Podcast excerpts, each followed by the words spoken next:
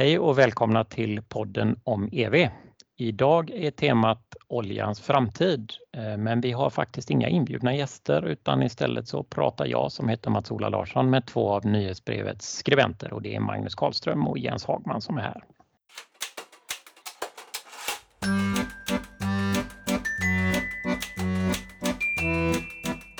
Vi, eller ni rättare sagt, skrev ju i slutet av september tre nyhetsbrev om oljans osäkra framtid. Det första handlar om OPEC, det andra om Saudiarabien och det tredje om Ryssland. Magnus, eh, varför skriver om EV om eh, Saudiarabien, Ryssland och geopolitik egentligen? Ja, och MEV har ju som roll att försöka få liksom en insyn i vad som kan hända runt laddbara fordon i framtiden och en väldigt viktig del är ju vad, eh, vad som händer runt styrmedel och så och de här länderna har ju uppenbart lite att förlora då på att laddbara bilar blir stort så vi är nyfikna på hur de förhåller sig till det. Eh, mm. inför liksom klimatmöten i Glasgow, hur tänker de runt det? Men sen har ju också oljan varit väldigt central i hur, hur världen ser på energi och transportsektorn och, och det är ju en transformering som pågår så man blir väldigt nyfiken helt enkelt. Sen hade vi också sett en hel del nyheter från de här länderna så vi vill liksom försöka förstå vad de gör egentligen. De här två länderna vi har skrivit om då, Saudi och Ryssland. Innan vi går in lite på det ni har kommit fram till i ert eh, nyhetssökande här Jens, bara var, hur tyckte du, du skriver ju mycket om, om elfordon och marknader annars, hur var det att gräva i, i oljans land istället? Ja, men det var spännande, det måste jag säga. däremot kanske det var lite svårare att hitta källor än vad det normalt är och det gäller ju specifikt för OPEC. Ska jag säga. Där var det väldigt svårt att hitta uppdaterade strategidokument och liknande så det är inte lika mm. transparent mot det vi normalt skriver. Svårt att hitta källor när man skriver om olja, noterar jag. Ja, en dålig Göteborgsvits. Eh, okej, okay, men eh, om vi börjar med att reflektera lite grann på över det ni kom fram till så om vi bara ska sätta det här i ett sammanhang så går ungefär 40% av oljeutvinningen till eh, drivmedel till vägtransporter och specifikt bilar ungefär en fjärdedel av oljan som vi idag pumpar upp används till det. Och det är naturligtvis en väldigt viktig andel. Och vad då, Jens, då har ju du kikat lite på vad OPEC som ju är en sammanslutning av väldigt olika länder men med ett gemensamt intresse, nämligen att fortsätta pumpa upp det här då. På kort sikt i alla fall. Vad tror de själva? Har de sagt något om deras förväntningar om efterfrågan framöver? Om man tittar på oljeefterfrågan generellt så tror de ju att den kommer gå upp i, i närtid. Så I deras egna prognoser så är det 2025, 2030, någonstans där når vi toppen. Och sen kommer den plana ut till 2045, men då, nivån 2045 är faktiskt högre än vad den är idag. Så de tror ju helt klart på oljans framtid, alltså att den kommer att spela en viktig roll i världen. Det, det, kan ju låta lite märkligt om man då, som jag tror att många av våra läsare och lyssnare också är, ganska insatta i prognoser som säger att en elektrifiering kommer att stå för en betydande del av transportarbetet här på vägsidan, åtminstone 2045. Så vad, vad, tror de? Är det glädjekalkyler eller är det, är det vi som är överdrivet optimistiska? Eller vad, vad, vad fick du själv för reflektioner när du såg dem där? Ja, man ska vara ärlig med att ingen vet ju hur det ser ut 2045 såklart. Mm. Men man kan ju reflektera kring att OPEC är väldigt försiktiga. Om man tittar åtminstone då på personbilar och elektrifiering så tror de på 16% marknadsandel 2045, eller av flottan då rättare sagt. Och det är betydligt lägre än andra prognoser som vi har skrivit om tidigare. En del av det här researcharbetet var ju att lyssna på poddar och kolla på Youtube-videos. Det är inte så ofta man får chansen att göra det. Ehm, och jag lyssnade på en från Morgan Stanley som är en stor investmentbank och de pratade om att rädslan för att efterfrågan kommer gå ner skrämmer bort en del investerare idag för olja. Mm. Vilket gör då att kanske eh, tillgången på olja kommer minska snabbare än man tror. Så man kan ju spekulera kring att OPEC kanske vill hålla uppe den här nivån. Eh, att det kommer vara hög efterfrågan för att inte skrämma bort investerare i närtid. Nej. Så skulle det kunna vara. Magnus?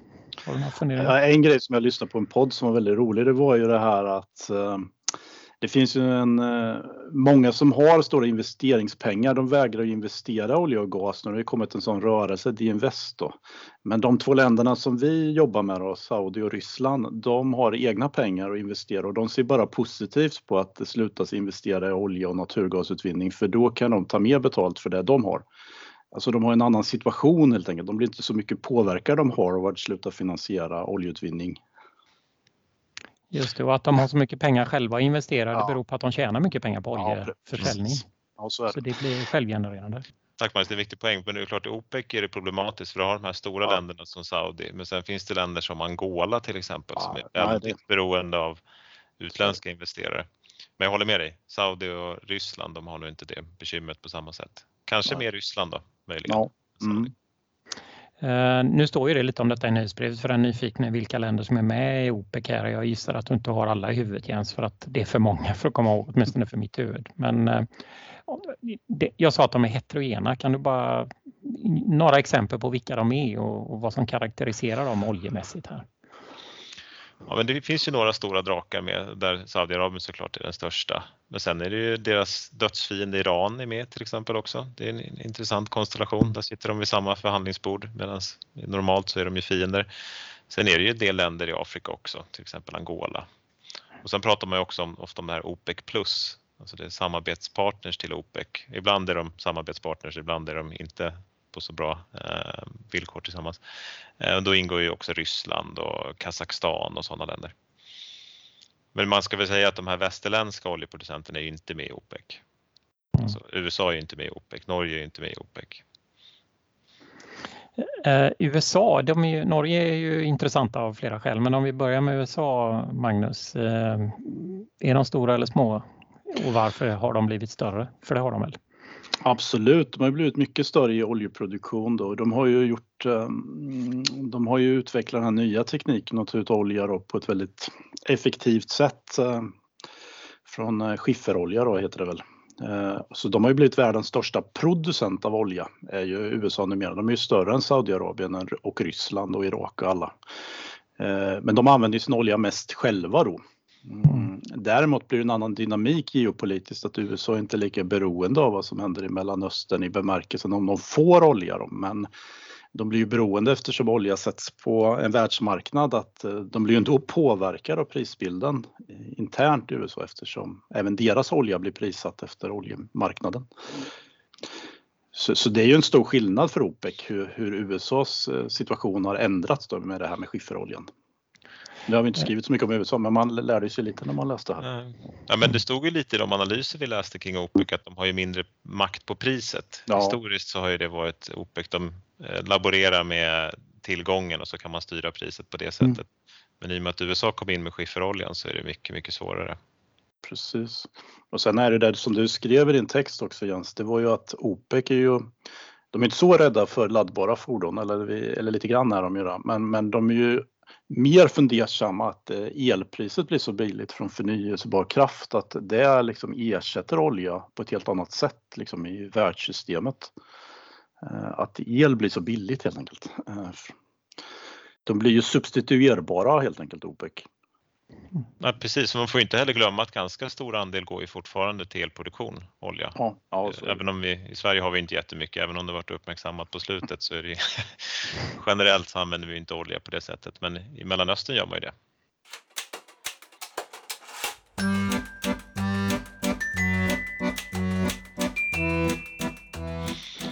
Saudiarabien, Magnus du skrev ju en del om det.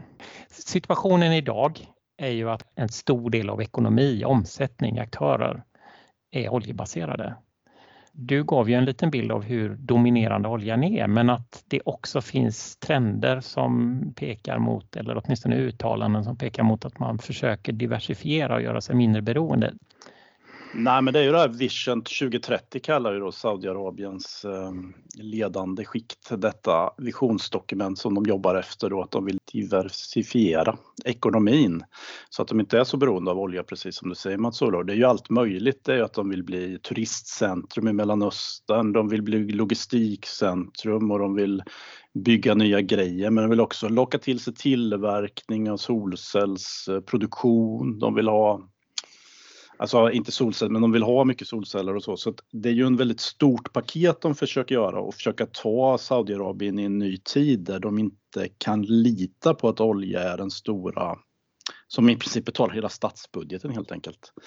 Och det försöker de göra med att öka intäkterna till BNP då från andra sektorer än oljesektorn. De vill eh, att deras elsystem ska bli mer förnyelsebar kraft. Men en stor del är också att de ska använda sina oljepengar som de har samlat ihop i, i en fond då, som de kallar så fint eh, Public Investment Fond. Det är ju lite som norska oljefonden. De har ju samlat ihop pengar där helt enkelt och där vill de använda och investera i det nya som typ eh, locka till sig företag i olika sektorer och komma till Saudiarabien och investera i nya liksom, framtidsprojekt och så. Och, och de här är ju väldigt aktiva. Förr var de lite osynliga Piff, att vad de gjorde för något, men nu är det verkligen så här, nu ska vi använda de här pengarna för att göra Saudiarabien till något nytt. Eh, sen är det ju man brukar säga att Kina är liksom AB Kina, att det är ett företag Kina. Eh, och det är ju lite över, överdriva tycker jag, för det är väldigt många företag i Kina. Men i, men i Saudiarabien så är det ett företag som är typ Saudiarabien. Det är inte riktigt sant, men det är Saudi Aramco då, som är det stora olje och gasbolaget i Saudiarabien som de står själva för typ 10 miljoner fat per dag i produktion Alltså det företaget. Det finns liksom inget annat företag som är i närheten globalt. Och 10 Sen, miljoner är andel av alltihopa? Jag kan inte det här exakt nu men det borde Nej, men 90, 90 miljoner kanske det är eller 88. Ja, ja det är typ en, en 10 procent ja, eller mer. Ja 10 procent, det är det företaget. Och det ägs ju av staten Saudiarabien det här. Och där har de ju också sagt att det här kommer användas det här företaget för att driva den här omställningen, att deras intäkter och så ska delvis användas. Och en del är ju också att de kommer satsa på att inte bara göra, sälja olja och naturgas utan ännu mer göra kanske kemikalier och så. Och så, alltså typ ammoniak och sånt att sälja till världen. Så att, så att de använder ju alla sina små verktyg, eller små, ganska stora verktyg för att försöka omforma det här landet på typ 10 år. Så det gör det väldigt spännande att se om de kommer lyckas och hur mycket mm. de kommer lyckas och mycket som är idéer. Då. Hittade du någonting om uh, uttalanden om eller begynnande pro, uh, processer mot elektrifierade fordon eller batterier eller något sånt där som direkt har med elektromobilitet ja, det, det, Ja precis, man letar ju jag tror med det. Um, nej, men det fanns flera grejer som var intressanta. Dels är det att de ska göra hälften av sin elproduktion till förnyelsebar uh, är ju en del i det här. Att det liksom, förr är det ju, förut var det ju fossilbaserat. Sen är det där PIF, de håller ju på att köpa upp en del, eller köper upp, köper stora andelar i olika företag och det som kanske är mest känt i elektrifieringsvärlden är Lucid Motors då, som ett startup-företag i USA. De ägs ju till 67 procent tror jag av PIF då, eller Saudiarabien. Så det är ju ett att de försöker, och där försöker Saudiarabierna, Saudiarabierna få det här Lucid Motors att flytta till, till Saudiarabien för att göra produktion, elbilsproduktion helt enkelt. Så, så det är väl ett spår i alla fall. Mm. Som jag hittade. Sen äh, finns det ju även tankar runt deras nya drömprojekt, men det kanske var möjligt att komma tillbaks till senare, som också har med elektrifiering att göra den här roliga staden. Neon. Nej, jag tycker inte vi sparar den utan eh, den roliga staden som heter eh, Neom va?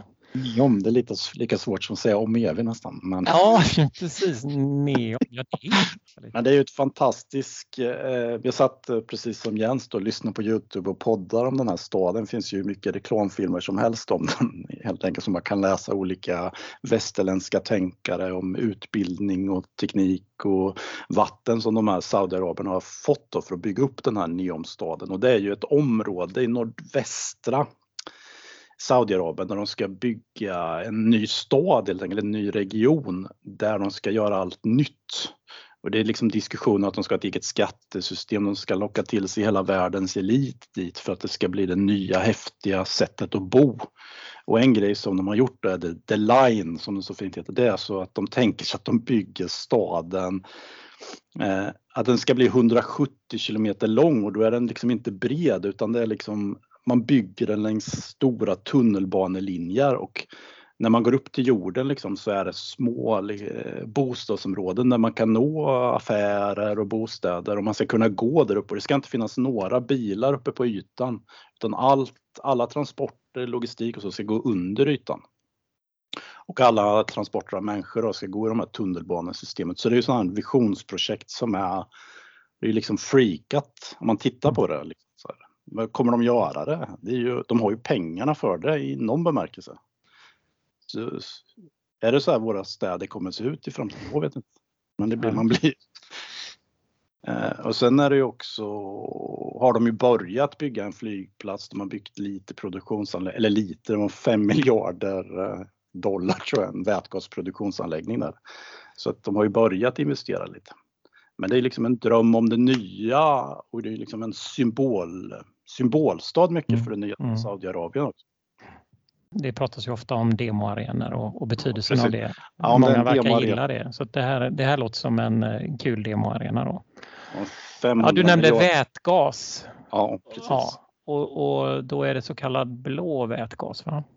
Så är det ju. Det är där de tänker mest, att de har börjat titta på det. Det är ju, och det är ju det här oljebolaget och Aramco som tittar mycket på, på blå vätgas och kunna exportera från Saudiarabien till världen och till alla behov vi kan be, tänkas behöva av vätgas. Ehm, och då är de ju väldigt nyfikna på det här. Hur vätgasmarknaden kommer se ut och exportmarknaden, så att det blir som LNG helt enkelt. Ja, man skulle ju kunna tro att blå vätgas är sånt där när man gör som i, gymna eller i, i högstadiet när man gör eh, vätgas från vatten med hjälp av el. Med tanke på att vatten brukar symbolisera ja, jag förstår. men det är inte det det är utan Nej, det är det ju inte riktigt. Det hade ju varit roligare att det var... Ja. ja men vad är det? Du får berätta jag vad det skulle gärna göra om den namnregeln faktiskt, att blå vätgas var elektrolysvätgas och Just grön det. vätgas och skogsvätgas. Men det är inte jag som bestämmer här. En blå vätgas är en naturgasbaserad vätgas där man fångar in koldioxiden och Eh, stoppar ner den någonstans och lagrar den då. Så att det är ju tankemodellen är ju att även om det är fossil naturgas blir det väldigt lite fossil koldioxidutsläpp då från vätgasproduktionen. Och det är ju ett av de vanligaste sätten att göra vätgas, är ju att ångreformera vätgas eller naturgas till vätgas. Det är ju kanske det vanligaste sättet. Sen lägger man ju till det här momentet att man fångar in det då. Mm. Är det inte det de vill göra i Japan också? Det är framförallt blå vätgas? Va? Ja absolut och det är en diskussion i Europa också och i USA också. Och det, jag vet inte, nu ska vi inte snöa in för det, men det är mycket debatt om blå vätgas, om det är bra eller dåligt. Men saudierna är ganska tydliga med att de tycker det är bra i, eh, just nu.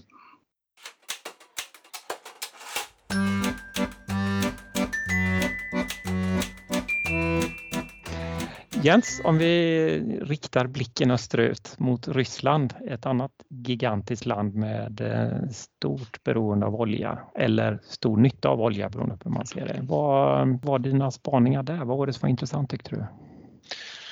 Det var ju många saker, men jag skulle nog säga en, en första reflektion är nog att det är svårt att knoppa bort oljan från gasen i Ryssland. Där handlar det mycket om olja och gas. Det var därför jag skrev också i nyhetsbrevet fossila bränslen många gånger. Mm. De, de, går väldigt mycket hand i hand. Sen är, ju, är det ganska många skillnader mellan Saudiarabien och Ryssland. Till exempel så har ju Ryssland, åtminstone på pappret, inte samma behov av att diversifiera sin ekonomi. De har en ganska stor industri som de inte har i Saudiarabien. Men sen när man grävde lite mer så förstod man ju att den här ganska stora delar av industrin är ju beroende av olja och gasintäkter och det hade kanske inte jag fattat innan det subventioneras på olika sätt. De hade ett exempel där med något, ett fartygsvarv i, långt i öster i Ryssland som de har producerar båtar som är 30% dyrare än världsmarknadspriserna. Men de köps ändå av ryska staten, troligen då från olja och gaspengar. Det är bara ett exempel. Hittar faktiskt ingenting kring fordonsindustrin men man tror att det är ungefär samma, samma där då. Man har höga skatter på importskatter helt enkelt på importerade fordon och så gör man fordonen lokalt istället, men då blir det ju dyrare för konsumenterna. Så det är, man kan säga att det är ett större oljeberoende än på pappret. Ja, just det. Det är en intressant aspekt. Du nämnde ju fordonsindustrin, för den är rätt stor i Ryssland egentligen, även om vi aldrig tänker på ryska bilar mer än som någon nostalgi när man såg en Moskowitz när man var poj. Och Lada känner man ju till. Ja. Och Lada är ju största märket fortfarande i Ryssland. Mm. Ja, men det var lite förvånande. Det är Europas största fordonsflotta. 54 miljoner bilar tror jag det var. Och I och för sig så är det inte jätteförvånande för det är Europas största land också. Mm. Det går ju lite hand i hand. Men en stor inhemsk produktion. Var det en och en halv miljoner fordon som görs varje år.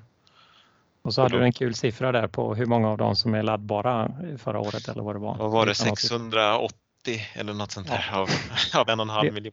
Jag tycker vi, avrund, vi avrundar uppåt till 700 laddbara bilar. Vad är på gång i Ryssland då? Men det är ju lite spännande för jag och Magnus tittade på en artikel tillsammans faktiskt, en vetenskaplig artikel från 2019 och där de jämförde just Saudi och Ryssland.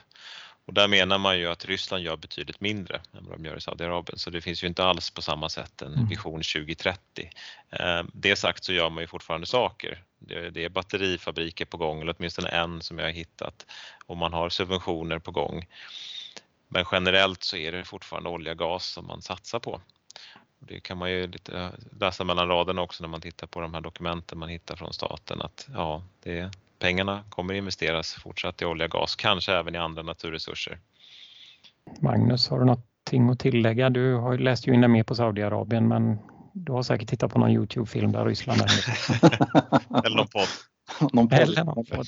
Jag vet inte om jag, jag tyckte det var intressant ändå. Det var ju det här eh, prisfallet som var förra året. Det är många som tänker att det var med Corona och det hade ju, det hade ju en koppling till Corona men det hade ju mycket att de hade svårt att komma överens, ryssarna och Saudi. Och att de liksom ställde sig så här, nu släpper vi kranarna får vi se vem som klarar det här längst. Eh, och jag tyckte bara det var intressant eh,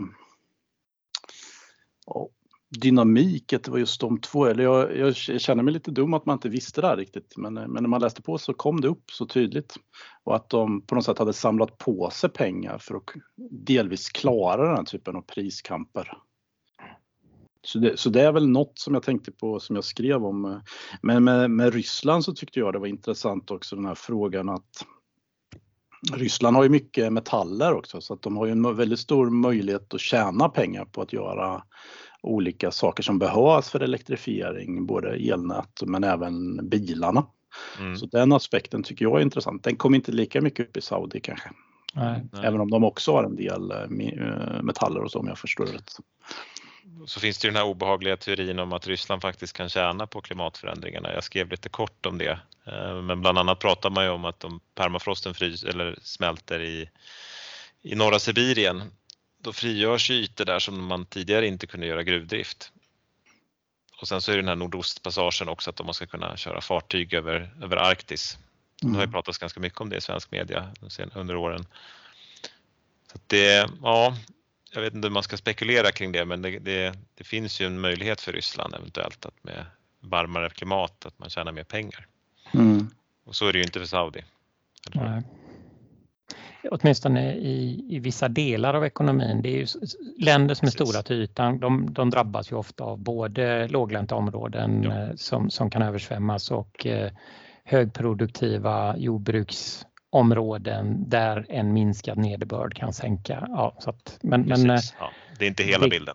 Nej, men det kan ju ändå vara så att det är, eh, ekonomiska fördelar driver investeringar även om det inte är nettonytta för ett helt land utan det kan ju vara vissa aktörer som, som själva ser en stor nytta i det som kan bromsa eller styra utvecklingen. Det är fullt möjligt. Så det är en intressant aspekt som jag inte hade tänkt på när jag läste det där. Det var en intressant mm. tanke. Och, och sen ska man ju också säga som jag sa tidigare att eh, Ryssland så är det lätt att klumpa ihop oljan och gasen och gasens framtid är ju inte lika ifrågasatt som oljan. Åtminstone inte i närtid. Och de har ju jättemycket gastillgångar. Så att...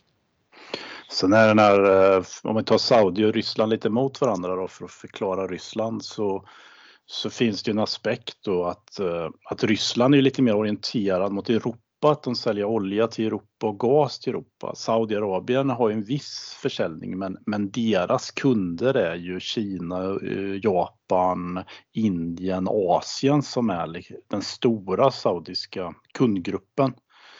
Och nu kan jag kan ha misstolkat det, men man känner lite hur ointressant de tycker Europa är. När man läser, alltså det är, det är ju Asien som kommer driva, vad gör de? Kommer de fortsätta köpa olja och gas helt enkelt? Mm. Okej, okay, om och gör er kontinent till zero emission då, liksom. det är en sån 10% aktivitet i ekonomin.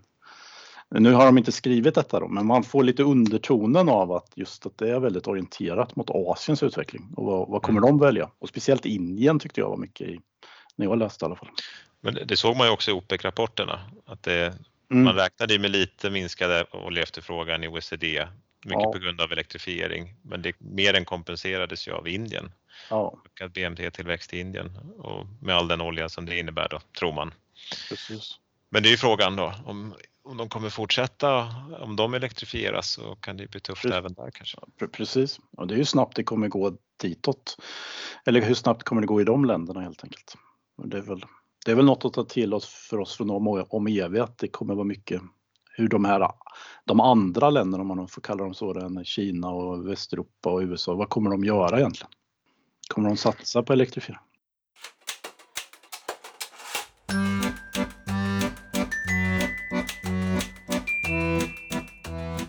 Lite kokar det här neråt då i en fråga om hur stort hotet så att säga mot de oljeproducerande länderna som övergången till laddbara fordon egentligen är.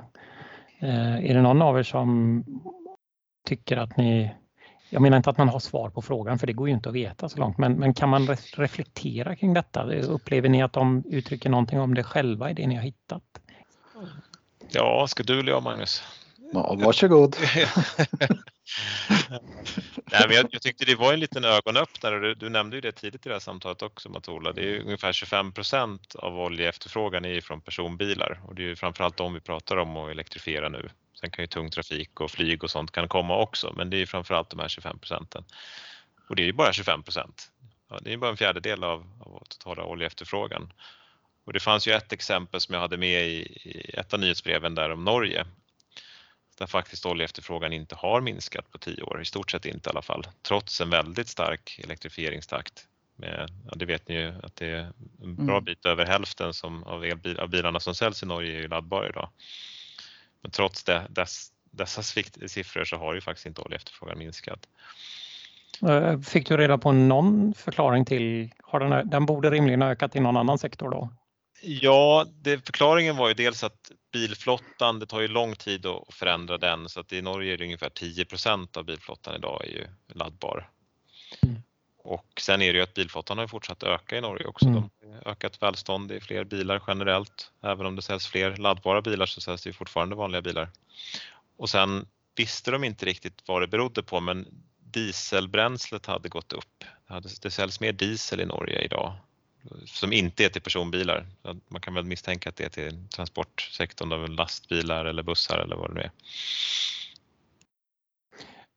Det är nästan intressantare att titta på trenden hos utfasningen av det fossila, eh, ja, mm. som ju ännu så länge inte är någon trend, än de trender som vi ofta beskriver som är ökningen av det elektrifierade eller investeringar i förnybar energi i kraftsektorn till exempel som ju är väldigt stark.